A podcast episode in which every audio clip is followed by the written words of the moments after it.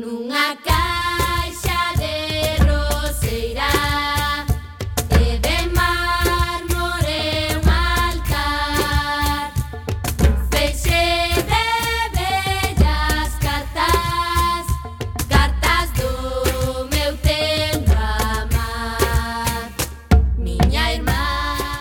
Ola, que tal, recendeiros e recendeiras? Benvidos e benvidas a este espazo radiofónico semanal adicado á cultura que facemos en rigoroso directo todos os martes a 7 da tarde aquí en Cuac FM, a Radio Comunitaria da Coruña. Música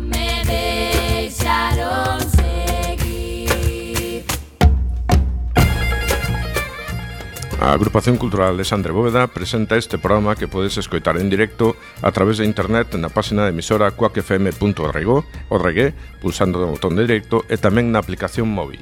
E se non chegaches a tempo, non tes excusa, compañeira. Podes descargar todos os programas emitidos tecleando cuacfm.org barra radioco barra programs barra recendo ou escoitalo na redifusión que será os mércores ás 8 da mañá, os venres ás 12 e na madrugada o domingo luns ás 12 da noite. E a partir de agora, seguídenos nas redes sociais, tanto no Facebook como no Twitter, arroba recendofm, onde queremos formar unha comunidade recendeira. Tamén podes visitar o Facebook da agrupación en a.c.alexandre.bóveda, o Twitter en arroba acbóveda ou na web eh, www.acalexandrebóveda.gal. Sempre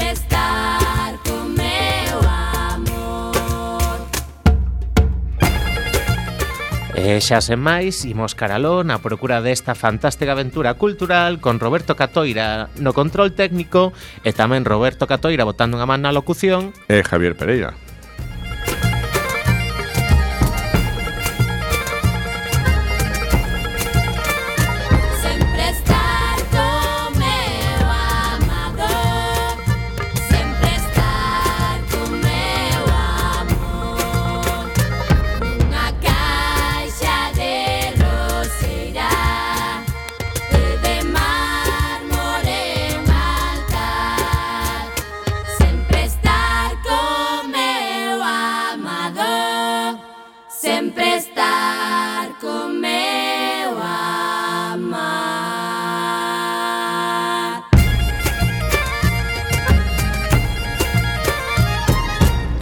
programa número 266 contaremos con convidadas con Paloma Catalá de Alma e con Marta Vila de Criando, dous dos grupos de apoio á lactancia que traballan na nosa comarca. Teremos a sección de Arquitectura e Fotografía a cargo de Héctor Fernández e falaremos das actividades da nosa agrupación e das outras cosas que se fan na Coruña e na Galiza que tamén son cultura.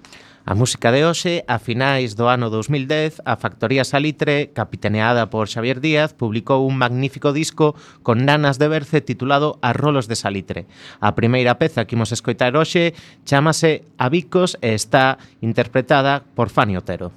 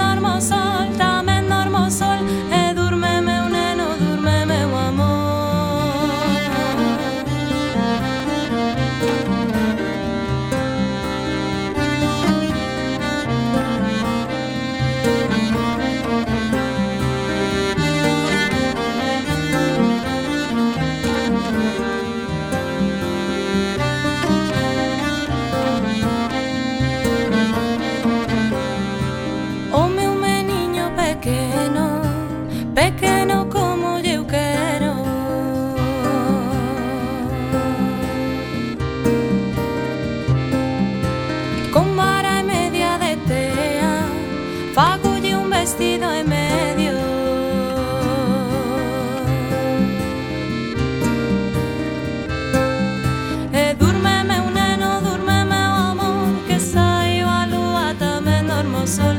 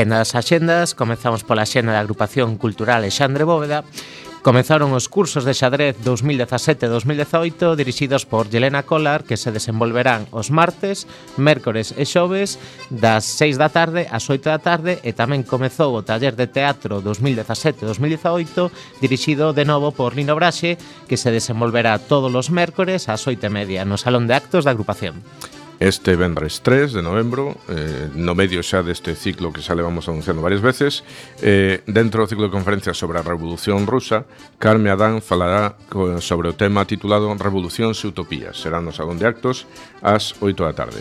Seguindo a semana seguinte co mesmo ciclo, que está tendo moitísimo éxito de público, o xoves 9 eh, Claudio López Garrido falará sobre o tema titulado Retrato do colonizado, e será tamén no Salón de Actos ás 8 da tarde. E seguimos coa Revolución Rusa, neste caso xoves 23, co conferenciante Jorge Álvarez Yagüez, que falará sobre a Revolución Rusa e a Revolución en Occidente segundo Gramsci. Será no Salón de Actos tamén ás 8 da tarde.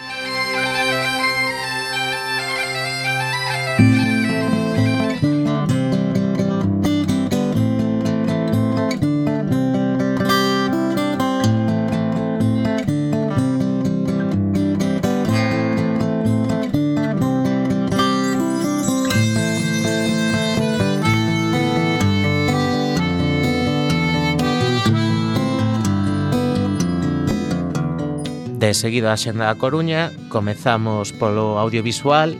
Oxe martes remata a programación bimestral do CEGAI con sesións ás 6 e ás 8 e media nas que poderemos ver a cinta Mor de Barbet Schroeder de 1969. En canto a artes escénicas, dentro do ciclo principal, esta semana poderemos disfrutar de Todo o tempo do mundo, dirixida por Pablo Messiés. Se o pasado está feito de relatos e o futuro está feito de desexos, en que lugar, entre as palabras e as cousas, está o noso presente? Será o Vendres 3 e o sábado 4 ás 8 e media no Teatro Rosalía. Falamos agora de música, a Fundación continúa coa súa cápsula de experiencias innovadoras co concerto de Morden dentro da programación de A Creativa, un proxecto que ten por obxectivo presentar as novas tendencias e vanguardas culturais. Será o sábado 4 ás 9 da noite na Fundación. Hoxe mesmo ten lugar a primeira edición do Festival Petoucos a Rebolos, que terá lugar no Playa Club, lembrade que o, o local Petoucos a Rebolos é un pub que está ali xusto ao lado do Mar de Gras. Eh, pois este fe, primeiro festival terá lugar no Playa Club hoxe as, eh, a partir das 10 e media da noite. O programa musical está centrado no rock e no metal e contará coa participación dos grupos It, Stone at Pompeii e Metal Tribute.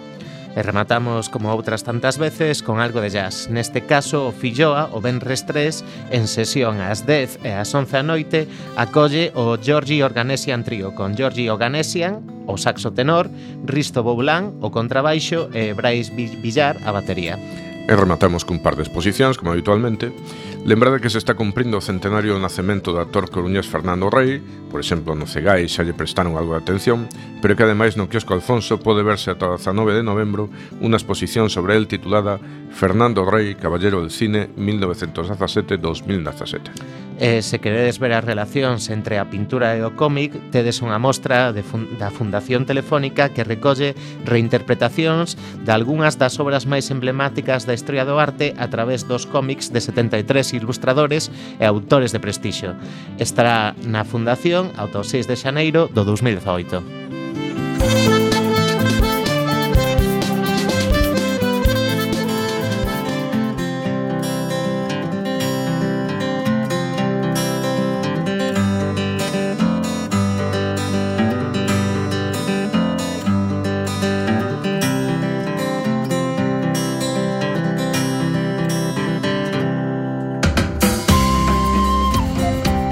Xenda de Galiza, comezamos en Lugo, Moncho Borrajo presenta Cosas Mías 2. Monólogos, cancións, imitacións unidos polo cotián deste país que non deixa sorprendernos todos os días. Para Borrajo resulta fundamental a colaboración do público que tamén forma parte do seu traballo no escenario. Actúa o domingo día 5 ás 7 da tarde no Auditorio Municipal Gustavo Freire. Damos un chimpo a Ourense eh, Viva Zarzuela é vos un ambicioso proxecto que une solistas, coro, orquestra e un actor que guían o público a través dun repertorio seleccionado en forma de dúos, coros e romances que recollen os mellores momentos da historia da zarzuela española en 70 minutos. O grupo de Beus Música Viva presentará este espectáculo o sábado 4 no Auditorio Municipal ás 8 e media. Estamos nun programa de cultura galega e saliu un moncho borrajo da zarzuela. Estamos... que o tiramos. bueno, eh... Podemos pasar a Monche Borrajo por galego, pero eh, bueno. Sí, efectivamente. Seguimos neste caso agora de Pontevedra No país de Dormir Revén A princesa Dormilina e os seus pesadelos non, ante, non a deixan pegar ollo os Seus pais, os reis, meritan E piden consello a médicos, herbolarias E falabaratos Pero non atopan remedio para curar o mal da rapaza Unha historia onírica e máxica inspirada no conto de Michael Ende que fala do medo, do valor terapéutico dos contos e de como buscamos solucións moi lonxe cando a resposta adoita estar no noso interior. Este espectáculo de Tragasueños no marco do Festival das Cóxegas 2017 pode verse no Pazo Cultura o próximo domingo ás seis e media está dirixido a un público familiar a partir de 5 anos. Imos agora ata Santiago. Atrevedesvos a tocar nun grupo prehistórico? Con esta premisa é que se presenta esta actividade didáctica na que se poderá descubrir a música e as familias de instrumentos daqueles tempos, os materiais e os sons, aproximándose a diversos restos arqueolóxicos e o rexistro etnográfico como referentes. Crearase tamén unha bramadeira, un dos instrumentos musicais máis antigos dos que se ten coñecemento. Será este sábado a partir das 5 da tarde na Biblioteca de Galicia. Imos ata Vigo, a celebración do Samaín chegou a esta vila en forma de concerto no Patio de Bouzas. Os locais Niño Señor, un, un trío amenizarán a festa a partir da medianoite de hoxe, con entrada gratuita. Guitarra, baixo, voz e batería resultóns para todo o mundo. Vai ser na Alameda Suárez Llanos número 12. Na nosa cidade veciña de Ferrol, a compañía Eugenia Manzanero trae Retailando, un espectáculo onde a risa e a gargallada están no dobladillo de todo, tanto para o público adulto como para o infante. Unha actriz e un músico enredando e tirando do fío da tradición oral dos nos, nos nosos días. Podele ver o domingo ás 12 da mañá na Capela do Torrente Ballester, dentro de Festea 2017 Teatro dos Xetos. A nosa vila convidada desta semana é Burela e Buprofeno o Teatro ofrece outra comedia, neste caso a, prima, a premiada O Furancho con Isabel Risco, que eh, me Metrabuco estivo con nosco fai dúas tempadas. Eu, sí, algo así, ao principio anterior ou ao principio de outro. Sí e Marian Bañobre, que sempre a vanguarda do deseño e das últimas tendencias, neste caso ofrecen unha nova aposta empresarial que recenda éxito a pesar dos obstáculos. A representación vai ser o Benres, día 3 de novembro, ás 9 no Auditorio da Casa da Cultura.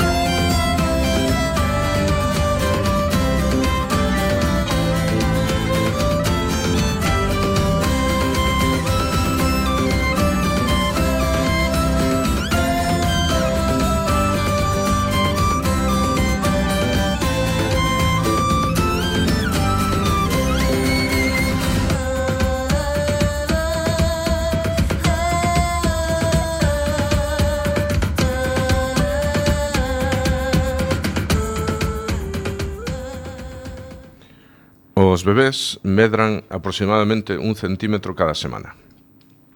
As evidencias científicas demostran que o único alimento capaz de soster este ritmo de crecemento é o leite materno. Ata aquí parece todo bastante sinxelo, pero a lactancia ten máis problemas dos que a principio podemos pensar os que nunca dimos o peito. Moitas nais teñen dúbidas que ás veces os profesionais non son capaces de solucionar. É por isto que existen asociacións como Alma e Criando que ofrecen asesoramento a nais e embarazadas para que poidan afrontar esta fase crucial da infancia dos seus cativos. Alma e Criando son asociacións de apoio á lactancia. O seu principal labor é asesorar as nais sobre as ventaxas dunha alimentación natural, así como divulgar os modos correctos de alimentación dos lactantes. Ambas asociacións ofrecen un espacio para nais lactantes onde a través de reunións e charlas aportan información contrastada e baseada en evidencias científicas. Tanto Alma como Criando forman parte de Fedegalma, a Federación Galega de Grupos de Apoio á Lactancia, que foi fundada no 2007 e que agora mesmo conta con 10 grupos. Para contarnos máis sobre os grupos de apoio á lactancia, temos hoxe connosco a Paloma Catalá de Alma e a Marta Vila de Criando. Moi boas tardes, Paloma e Marta. Boas tardes. Hola, que tal? Primeiro, encantados de que veñesedes hoxe aquí a informarnos un pouquiño máis sobre este asunto.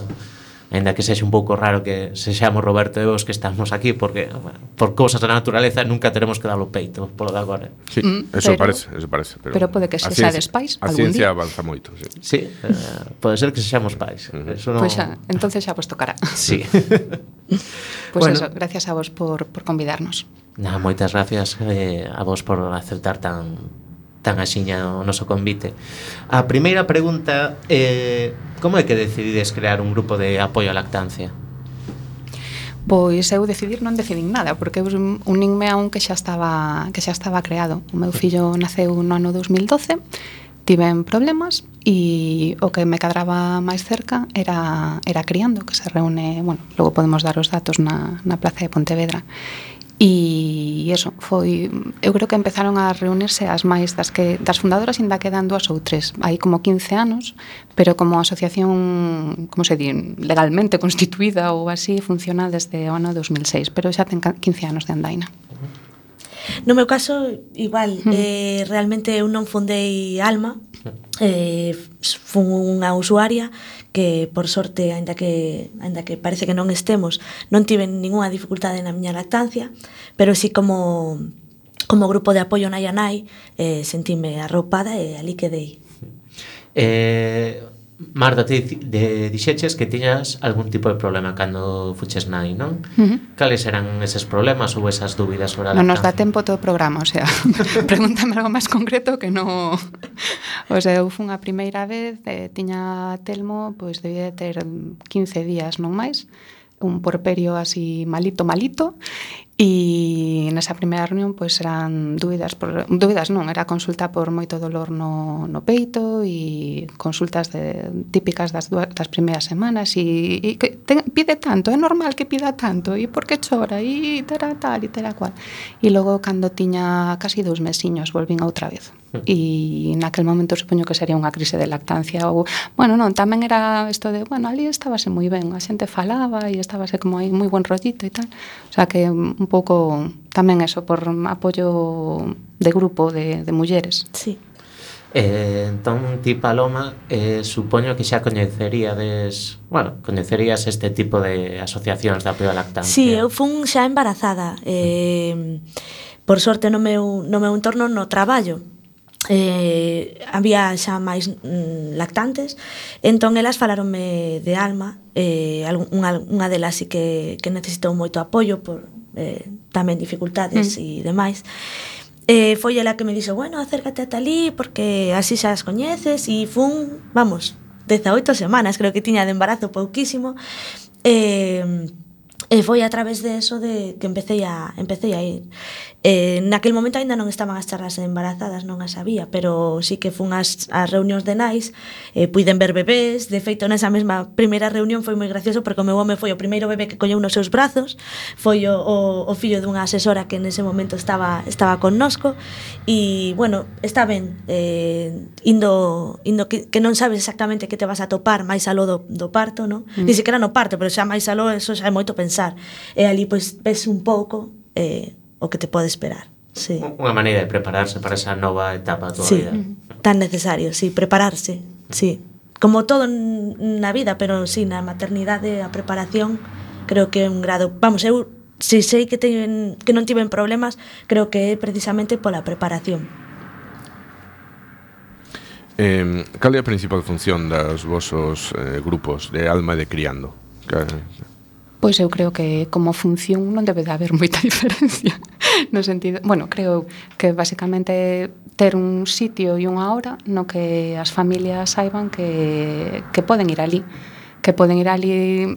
A ver, eu creo que a idea inicial dos grupos o mellor é simplemente que eso, que haxa un espazo para reunirse e logo cando os neniños xa empezan a gatear e tal, que poidan un sitio para falar de cousas de, de tetas, de cacas, de, de do que hai que falar nese, nese momento.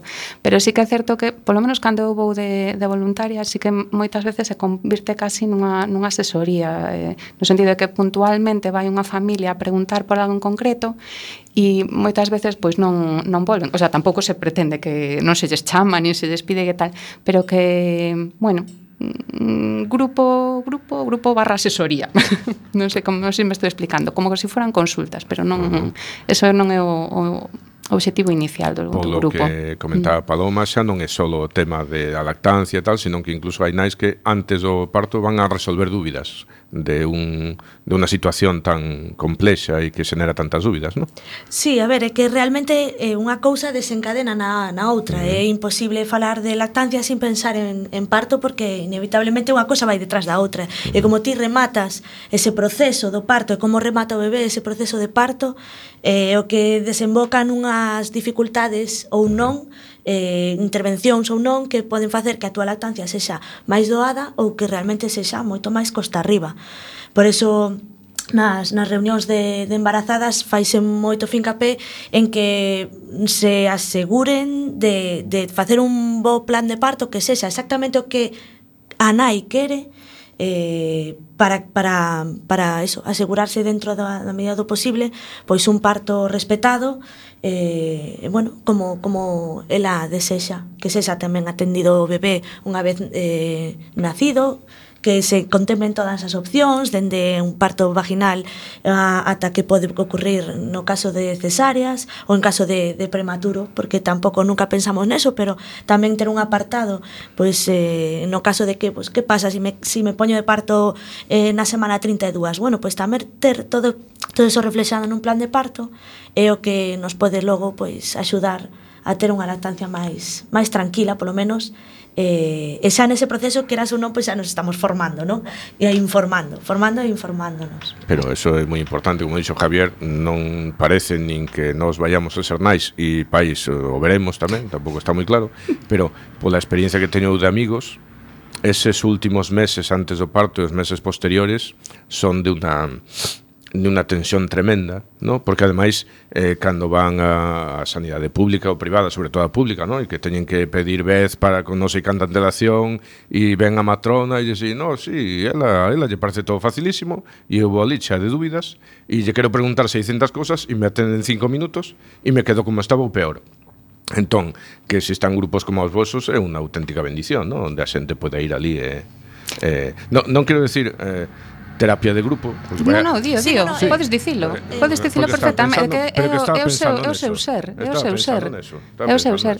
Tamén o mellor compre dicir, non, non sei, eh, pero compre dicir que somos eh, voluntarias, que uh -huh. non que non nin percibimos ningún tipo de remuneración, nin, bueno, eso, que son grupos de nais voluntarias que nos que pode haber, pois pues eso, distintos grados de formación, hai xente que son profesionais sanitarios e que como voluntarios, voluntarias, perdón, eh, colaboran infantil, pero que outras moitas non somos profesionais sanitarias. Entonces, pues, desde no... a experiencia da nai, de aí para arriba, logo a que se forma e a que no, estudia e demais voluntarias. Nos aquí tamén somos voluntarios. Pois pues sabedes entonces sabedes o que falamos. Somos perfectamente solventes e moitas das mellores cousas do mundo funcionan gracias ao mm. voluntarismo. Eu digo porque, o sea, cadra que, bueno, Alma ten o, o punto de reunión, no, ten dous puntos de reunión, son centros cívicos, non? Sí, cedidos polos concellos de, da Coruña e de Culleredo, e nos é, é un, unha saliña nun ambulatorio no centro de, de San José. entonces no noso caso, moitas veces pensan que, que somos profesionais sanitarios por, pola, pola ubicación do edificio. Uh -huh. E mellor no vosso caso, pois pues, que, sou que sodes asistentes sociais ou,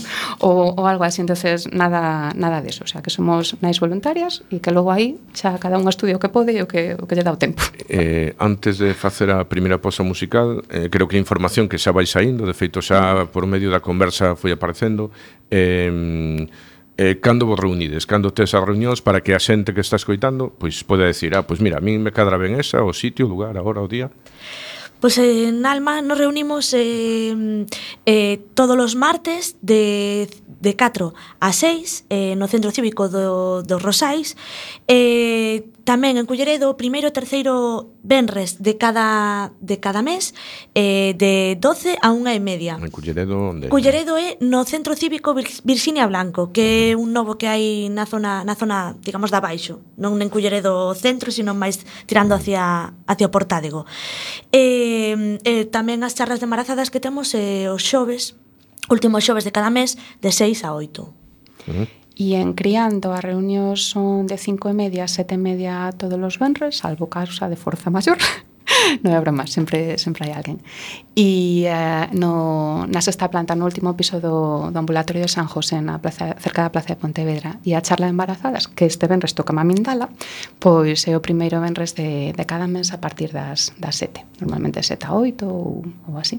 E logo hai un, hai un terceiro grupo na Coruña, que é Teta e Coliño, que pasa que de memoria dame medo decir cando se reúnen por mm. si meto a pata, pero se si poñen Teta Coliño Coruña, mm. xa lle sai aí o enderezo e... Non forman parte y... de Fedegalma, ¿no? porque nos buscando en Fedegalma non no, aparecían. Non, non parte, Pero bueno, merecen pero tamén. Hai, se soubéramos sí. a súa existencia estarían aquí. Sí, sí, pero bueno, que na Coruña hai tres e vale. Non cadran en, en ningún día da semana, Exacto. o sea que se hai unha urxencia, pois pues, tes onde, onde, onde escoller. Uh. É unha pequena cuestión, pode asistir cal, calquera persoa. Sí. sí. Pois nós eh, imos facer a primeira pausa musical da nosa conversa, imos escoitar eh, Tiroliro, que tamén é de... É de, de o disco Arrolos de Salita. Arrolos de Salita, que non me saía o nome.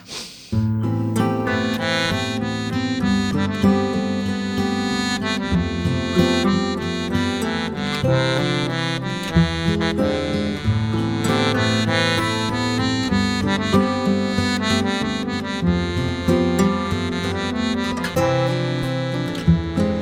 paparro la nena Cantaba este cantar Cala miña nena cala Cala se queres calar Dormebe miña neniña Que o teu pai vai no mercado Ache de trae la rosca Se un tiro liro furado.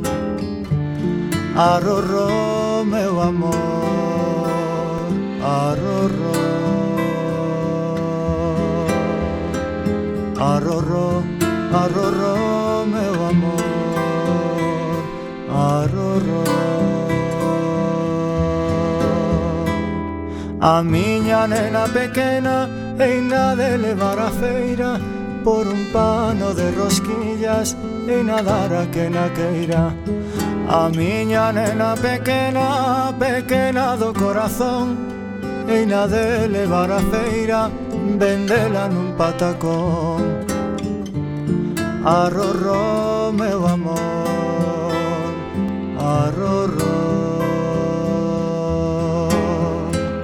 a me va amor, a Rorró.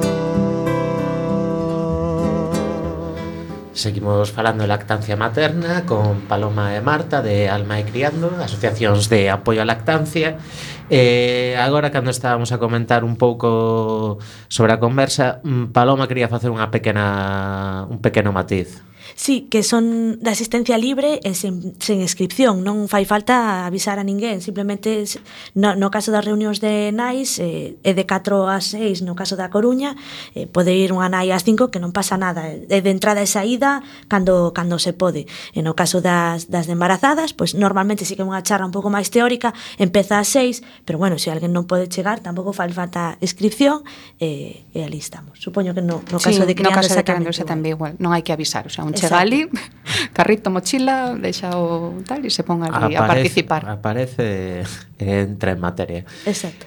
Eh, non, si que imos entrar agora en, en materia un pouco máis profundamente. Cales son as vantaxes da lactancia materna fronte a outro tipo de alimentacións? Casi poderíamos falar máis de que cales son as desvantaxes de, de non ter... Porque as vantaxes son enormes, o sea, realmente hai dende o vínculo materno-filial eh, que xa é o, o alimento propio da nosa especie, a ninguén se lle ocorre de primeiras pois que, que unha leona na selva vai dar outra cousa que non sexa a súa propia leite o seu a súa crianza, non? Eh, aparte de que protexe eh, fronte a moitas enfermidades, eh, xa é un alimento non só óptimo, sino o mellor para un neno san, moito máis eh, no caso de que os nenos pois, subteñan algunha doenza ou, ou algunha patoloxía. Nese caso non só é eh, bo, sino que menciña, propia menciña. E logo, o sea, que, que, que nutrición, obviamente, pero logo é unha necesidade, o sea, estamos moi afeitos a, a que os, os bebés, eh, moitas familias, lícitamente, eh, non, non xuzgo nada, pero lles dean chupete, e o chupete é un sustituto de plástico da teta. Entonces, o sea, solo por poñervos un exemplo, tú levas ao, ao bebé a vacinar ou, ou lle teñen que facer calquera cousa no, no médico e tal e si, si lle fan ese pinchazo ou esa medición ou ese, esa molestia que lle teñen que facer mentre o neno está mamando o neno non chora. O sea, eso chamamos de, de, de broma a tetastesia e hasta que non o ves o sea, pensas que, bueno, unas iluminadas que sí, sí, que non sei que tal, pero cando ves que o neno non, non chora, entonces, bueno, que o neno xa anda e cae no, e dá un golpiño, chora a teta, tal, e calmas, o sea, que é unha necesidade de, de amor e tal, e se, se non a recibe coa teta, pois pues claro, entonces temos que recurrir a, a un sustituto, e para eso está a ferramenta que chamamos chupete, pero primeiro estaba a teta. tamén decir que no caso das nais, eh, tamén ten beneficios, Eh, Ay, sí. Sí, sí. Eh, hai, hai altos índices de, de mm, prevención de, de certos cánceres de mama, eh, tamén hai un baixo baixo índice de depresión posparto no mm, mamás eh, que que dan mm. peito. Eh, bueno, os índices son moitísimos, podríamos enumerar un montón. Falan tamén incluso de coeficientes intelectuais, de incidencia de de maltrato infantil, o sea, realmente é unha protección tanto para a nai como para o neno. É, é moito máis que, que un chuletón.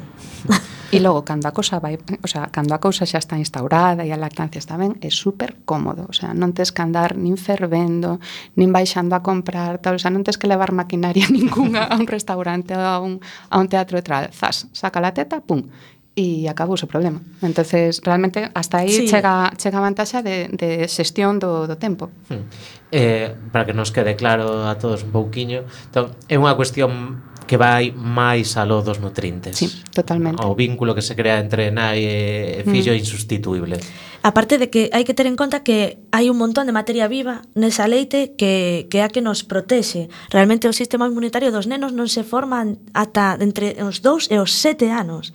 Entón, eh, toda esa in Eh, inmunidade que lle estás dando ti coa leite materna non, non a podes ofrecer de outro xeito, é unha vacina totalmente natural que non hai non, non, non hai xeito de realmente de sustituir. sustituir. Sí, Exacto. Un, un dos datos que eu cando estaba preparando esta conversa, pois pues, pareceume curioso, en plan de que unha gran cantidade dos, digamos, produtos que forman a, a, o leite materno non lle serven para nada ao bebé, pero sí que lle serve, digamos, a flora bacteriana que está empezando a formar os, os rapaces. Eso tamén hai que telo moi moi en conta, non? É o sí. que estabas a contar. É a mic sí, é a microbiota, o sea, é realmente é, é esa parte a que a que tamén eh, é importante porque os nenos cando nacen nacen eh, o sea, na barriga da nai non teñen todavía esa flora eh, xerada.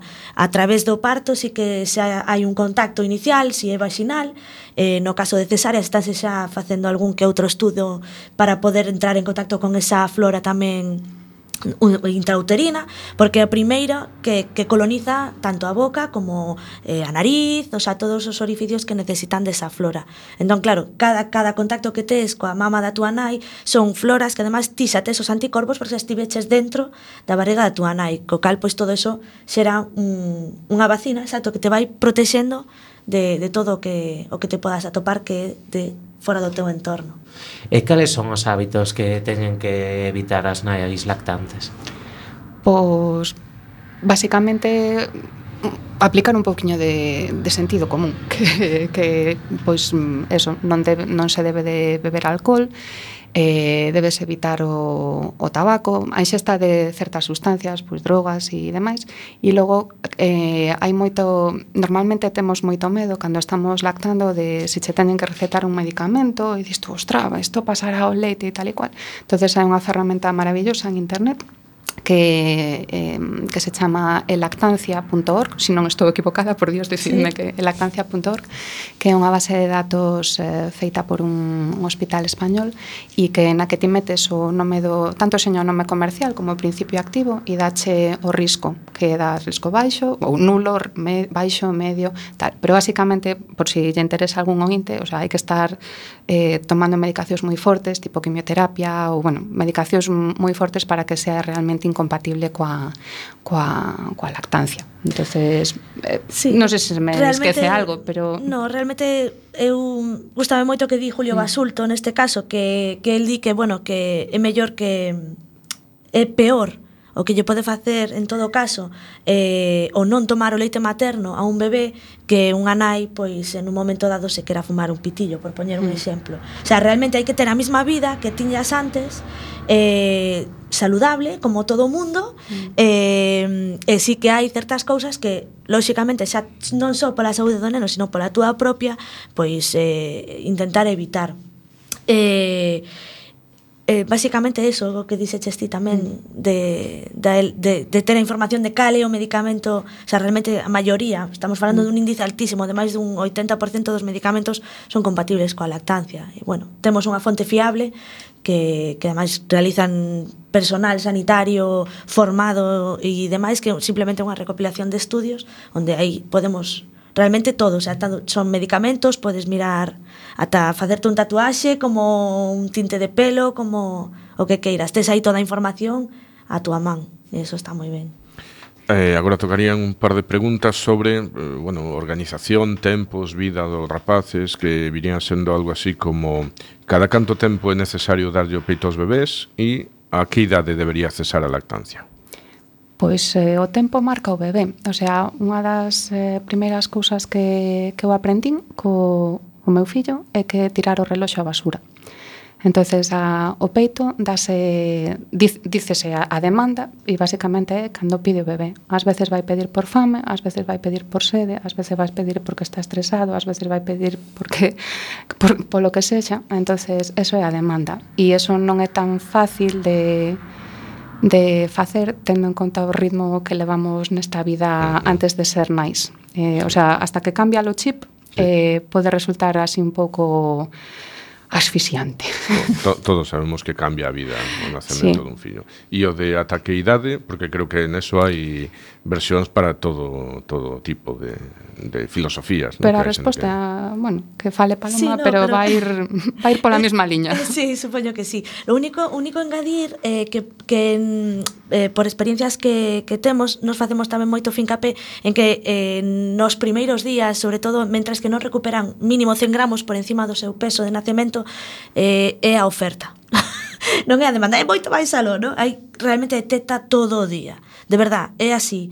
É necesario porque hai nenos que durmen, eh, se durmen, eh, non é que estén crecendo. Eso é un mito que temos que desterrar, pero xa.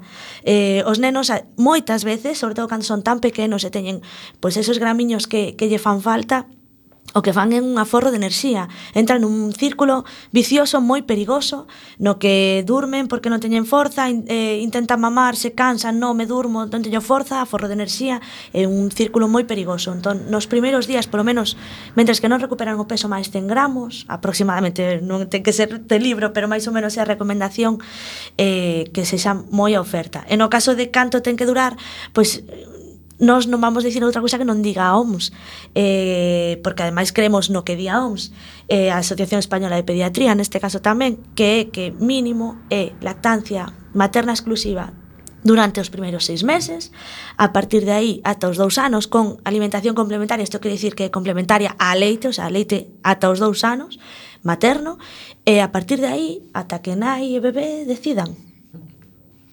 Eh, Imos facer outra preguntiña ou xa temos a Héctor o teléfono, Roberto? Non. Seguimos ca conversa.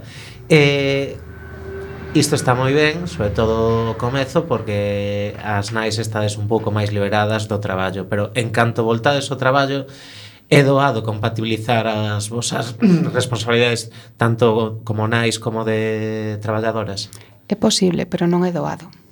É posible, o sea, é posible aleitar, dar teta e, e traballar oito horas ou as horas que lle toque traballar seguido a unha muller pero eu creo que hai poucos casos no que, no que sea doado. E de aí, os grupos de lactancia, a verdad que teñen un labor, eu creo que fundamental, porque ves como fixeron outras mulleres, ves que, que o fan, que o están facendo, e danche consellos, e eh, eh, falas de modelos de munxidoras, de, de sacaleites, e falas de, de, deste truco e daquel outro, e a verdad que o mellor contanche cinco cousas e unha delas é a que che fai o, o truco a ti, pero se a resposta é doado, non, non é doado, pero é posible. O sea, non hai que deixar de, de dar teta por se si a nai non quere, ollo, que isto é unha decisión da que ten que ser unha decisión da, da muller. Se a nai quere, podese facer, pero eu buscaría axuda. Imos deixar un momentiño este tema en suspense e imos falar con Héctor Fernández. Primeiro imos escoitar a súa sintonía. Música máis, quanto máis feliz ser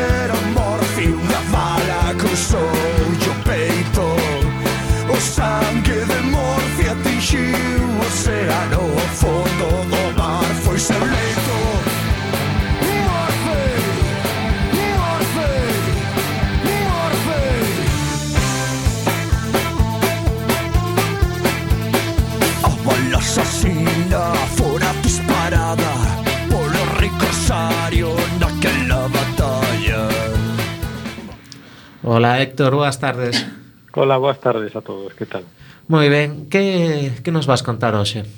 Pois hoxe vou recomendar unha exposición en Santiago, unha exposición de fotografía, porque temos a sorte de ter unha exposición de Gervasio Sánchez. Gervasio Sánchez é un fotógrafo é fotoperiodista, eh, bueno, ten un montón de premios, moi laureado, Premio Nacional de Fotografía en 2009, de feito foi é o primeiro fotoperiodista eh, que obtén ese premio nacional. Non? Sempre eh, o premio fora para outro tipo de, eh, de fotógrafos eh, máis, en teoría, pensados na, na arte ou centrados na arte. Bueno, pois, Gervasio Sánchez mereceu eh, levar ese premio. E ten agora mesmo unha exposición na, en a Fundación, na Rúa do Vilar do 19, eh, xa está inaugurada e vai estar hasta o 7 de xaneiro, polo cual temos temos tempo, temos hasta reis para, para ir por ali e vela. A exposición chamase Vida, eh, Gervasio Sánchez, bueno, eh, fotoreporteiro de zonas de conflicto, eh, coñecido incluso ao mellor por a xente que non eh, está moi posta en fotografía porque cando recibiu fai uns poucos anos o premio Ortega y Gasset eh, deu eh, no discurso de agradecemento eh, criticou diante dos, dos ministros que estaban ali eh, a, ao goberno español por vender armas. Eh, eso, bueno, saiu en todos os diarios e todas partes. Pero máis aló da, das polémicas, eh, do compromiso que sempre mostra, porque sí que é un fotógrafo dos totalmente comprometidos, pois é moi gran fotógrafo, o sea, as, as súas fotos son moi boas, eh, merece a pena vela, non? E ademais esta, esta vida que a exposición eh, intenta centrarse eh, según di el, eh, no triunfo da vida sobre as tragedias da guerra e da violencia. ¿no? entonces eh, van a ser imaxes tomadas en 20 zonas de conflicto, pois pues, desde desde Salvador no ano nos anos 80, que foi cando ele empezou, e eh, ata fai pois un par de anos en Siria ou en Afganistán, e sí que ten a particularidade respecto a outras exposicións que fixo el ou que ten feito el, como as de eh, Vidas Robadas, que era sobre destrozos das, das minas antipersoas e outras moitas exposicións que fixo, que, eh, que non vai estructurada dun xeito eh, xornalístico en canto a ir por anos ou eh, por conflictos e tal, senón que centrase pois, na, na vida cotiá desas zonas supostamente destrozadas ou totalmente destrozadas, pero que, que pese a eso a xente pois, trata de vivir e de, de sobrevivir. Entón, bueno, pois, é unha orde un poquinho distinta, máis centrada na, no discurso fotográfico máis que no discurso periodístico. Eh, creo que todos deberíamos, seguro que aprendemos algo se vamos por allí. Recapitulemos un pouco entón, Héctor, Gervasio, Gervasio Sánchez. Sánchez, eh, en Santiago, na fundación que está na cidade Bella, na Rúa do Vilar. A exposición chamase día, sí, Vida. Vida, a exposición chamase Vida, está hasta o día 7 de xaneiro. Pois moi ben, eh, tentaremos eh, aparte pasar. De eso, pues, eh, está de atentos que xa empeza como todos os anos o outono fotográfico, e son pues, 80 e pico exposicións, en 20 localidades, eso sempre dá moito xogo. Pois sí, xa falaremos eh, deste outono fotográfico como outras Seguro. tempadas. Moitas gracias, Héctor. Nada, vos. Nos seguimos falando con Marta e Paloma de Alma e Criando. Eh, estábamos a falar das dificultades que poden ter as nais para seguir amamantando os seus cativos cando se reincorporan ao traballo. Vos pensades, se o tedes falado nas vosas asociacións, que é necesario unha nova legislación para facilitar eh, estes eh, bueno, a lactancia dos cativos? Eu iría un pouquiño máis lonxe. O que fai falta eh, fai falta eso, por suposto, pero creo que o único xeito de que consigamos eso é aumentar o índice de, de, de lactancia materna eh, actual. Eh, hoxe por hoxe só temos un 20% de mulleres que continúan dando lactancia materna exclusiva aos seis meses. Eh, ese traballo tense que facer da sanidade pública. É un problema de sanidade pública. Non é un problema das nais que nos reunimos tanto os martes como os venres. Vale, ao final sufrímonos nós, pero quen se ten que poñer nesto eh, sin duda a sanidade pública porque como contábamos antes, pues realmente hai, hai moito en xogo. Eh, realmente, se hai aí un traballo de difusión, de, de formación, de capacitación deses profesionais sanitarios que hoxe en día pois, fan que as nais veñan a nós, as nais, eh, a preguntarnos dúbidas que deberían de resolver antes, eh, pois probablemente teríamos uns índices eh, distintos. Eh, nos países que teñen unha baixa por maternidade maior, os índices de lactancia son maiores, pero que foi primeiro? Pois os índices de lactancia. É moito máis doado eh, forzar unha ampliación eh, de, de, unha, dunha maternidade cando pois, eh, 80% da población eh, femenina que teñen fillos eh, pois aleitan mínimo este, eses seis meses eh, de, de xeito exclusivo se fora máis pois máis eh, máis doado sería podelo pedir tamén Sí, pero xa que estamos, o sea, a base de maternidade así rasa, sin parto múltiple e cousas así, son 16 semanas que dis, non, son 4 meses. Non, son 16 semanas que non chegan aos 4 meses.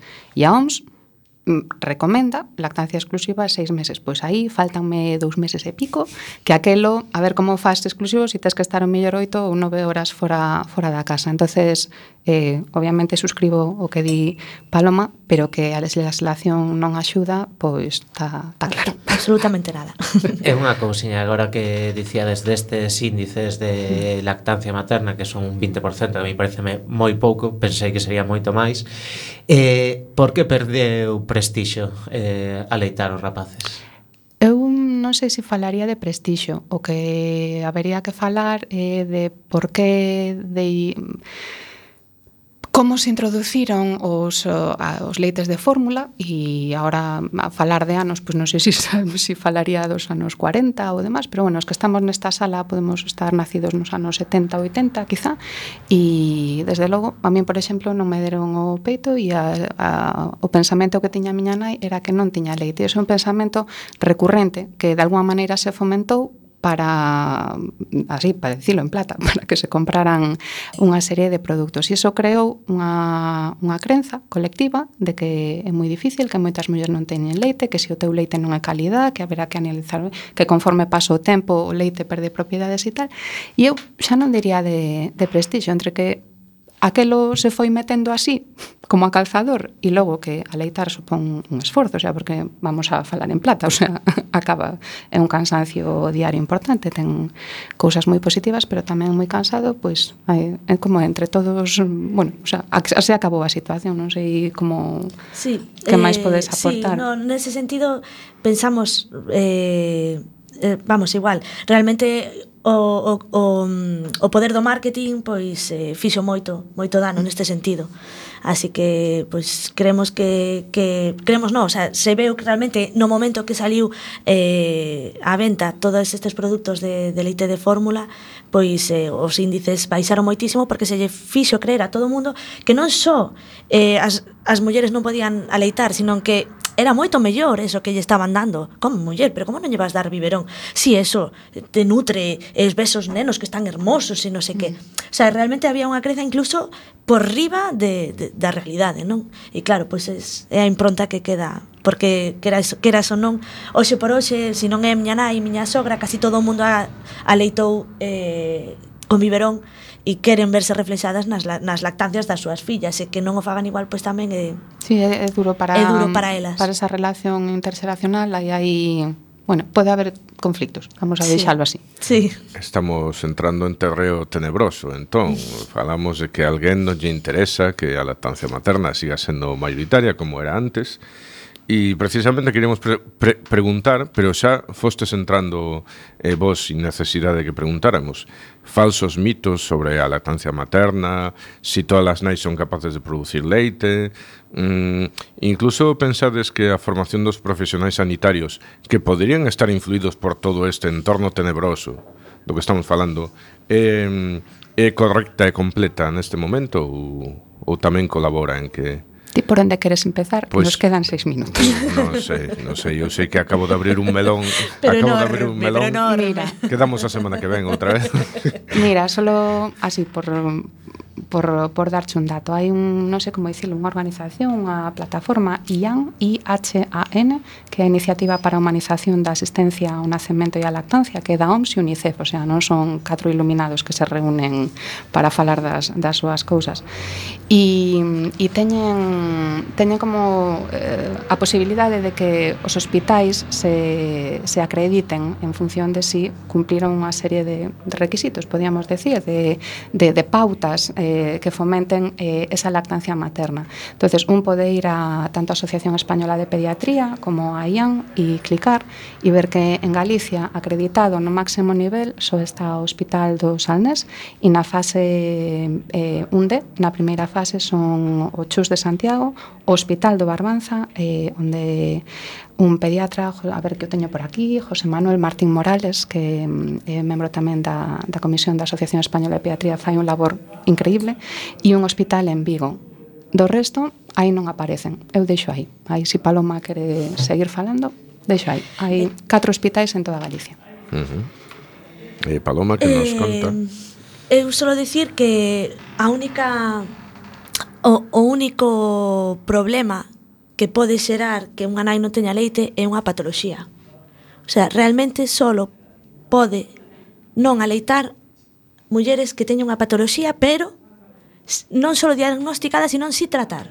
Hai moitas, eh, moitas tampouco, porque son casos moi contadiños. Eh, estamos falando pois, de eh, problemas eh, hormonales, estamos falando de... Eh, eh, de eh, bueno, tiroides de tiroides, efectivamente, de eh, problemas que moitos deles, se mantemos os niveles normales, ou se están medicados, poden realmente aleitar con, con total normalidade. O sea que non hai non existe esa sorte divina de ti tes leite, ti non tes leite, non existe esa sorte divina. É un tema físico, totalmente físico, de hormonas e de, e, e de, e de que o noso corpo este como ten que estar. Eh, realmente non hai máis que eso, é algo físico, non é non hai intervención divina neste caso. E con respecto pois eh os os sanitarios, pois o que dixen antes, no realmente non hai apoio prácticamente. Por sorte, pouco a pouco, pois vamos vendo que hai xente que sí que que por, por van contando pois tal, tal, tal, pero pero o fondo da cuestión é é longo de, de, de personal sanitario que non, non só non axuda, sino que, bueno, ás veces eh, pois tamén dificulta xa para ir rematando, hai outro tema que queremos tocar brevemente. Ás veces hai polémica, sobre todo porque hai xente que se queixa de que non lles gusta ver as nais aleitando os nenos en público. As vosas usuarias ou amigas ou coñecidas teñen es, realmente este ou problema. Nos, ou, ou nos. Ou, ou, ou, ou vos, claro. Pois eu penso que aquí mm, está normalizado aleitar a un bebé pequeno, pero que a xente inda se extraña si o bebé ou neniño xa xa anda. Está preto deses dous anos. Sí, ou, ou, o sea, ou incluso a veces moitas veces cun aniño, ano e medio e tal, e dice, pero si, si xa corre, e como, como lle das tal e cual, xa estamos falando de tres anos ou, ou así, entonces a xente sí que desextraña moito. A min en concreto nunca, nunca vin que me puxeran mala cara, pero si sí, mm, escoitei os comen, algún comentario, pero dos pequeniños non... É máis o, as veces o pudor da muller, da propia a muller de si se sinte cómoda ou non eh, amosando un, un peito que, que o que lle poidan dicir, non sei sí. que, Eu quería que facer fincapé eh, porque anda que vivimos na Coruña estamos en redes todos eh, por exemplo Facebook censura absolutamente todos a, os pezóns pero solo os pezóns donde hai un neno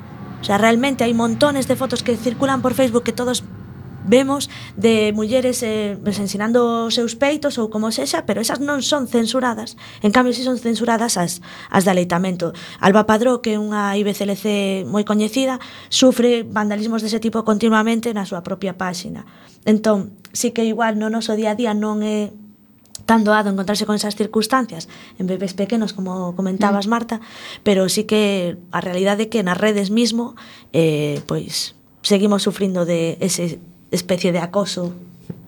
Pois moitas gracias por estes pequenos eh, bah, in, pequena introducción ao mundo da lactancia. Oxalá tivésemos máis tempo para seguir falando destas cousas e doutras que quedaron aquí no, no tintero, pero moitas gracias pola vosa presencia hoxe. Ao programa por convidarnos. Moitas grazas a vos. Eh, sen tempo para máis Odiseas, imos chegando a fin do camiño deste recendo, despedimos o programa de hoxe agradecendo as nosas convidadas que como sempre foron de honra. Hoxe estiveron connosco Marta Vila, eh, Paloma Catala,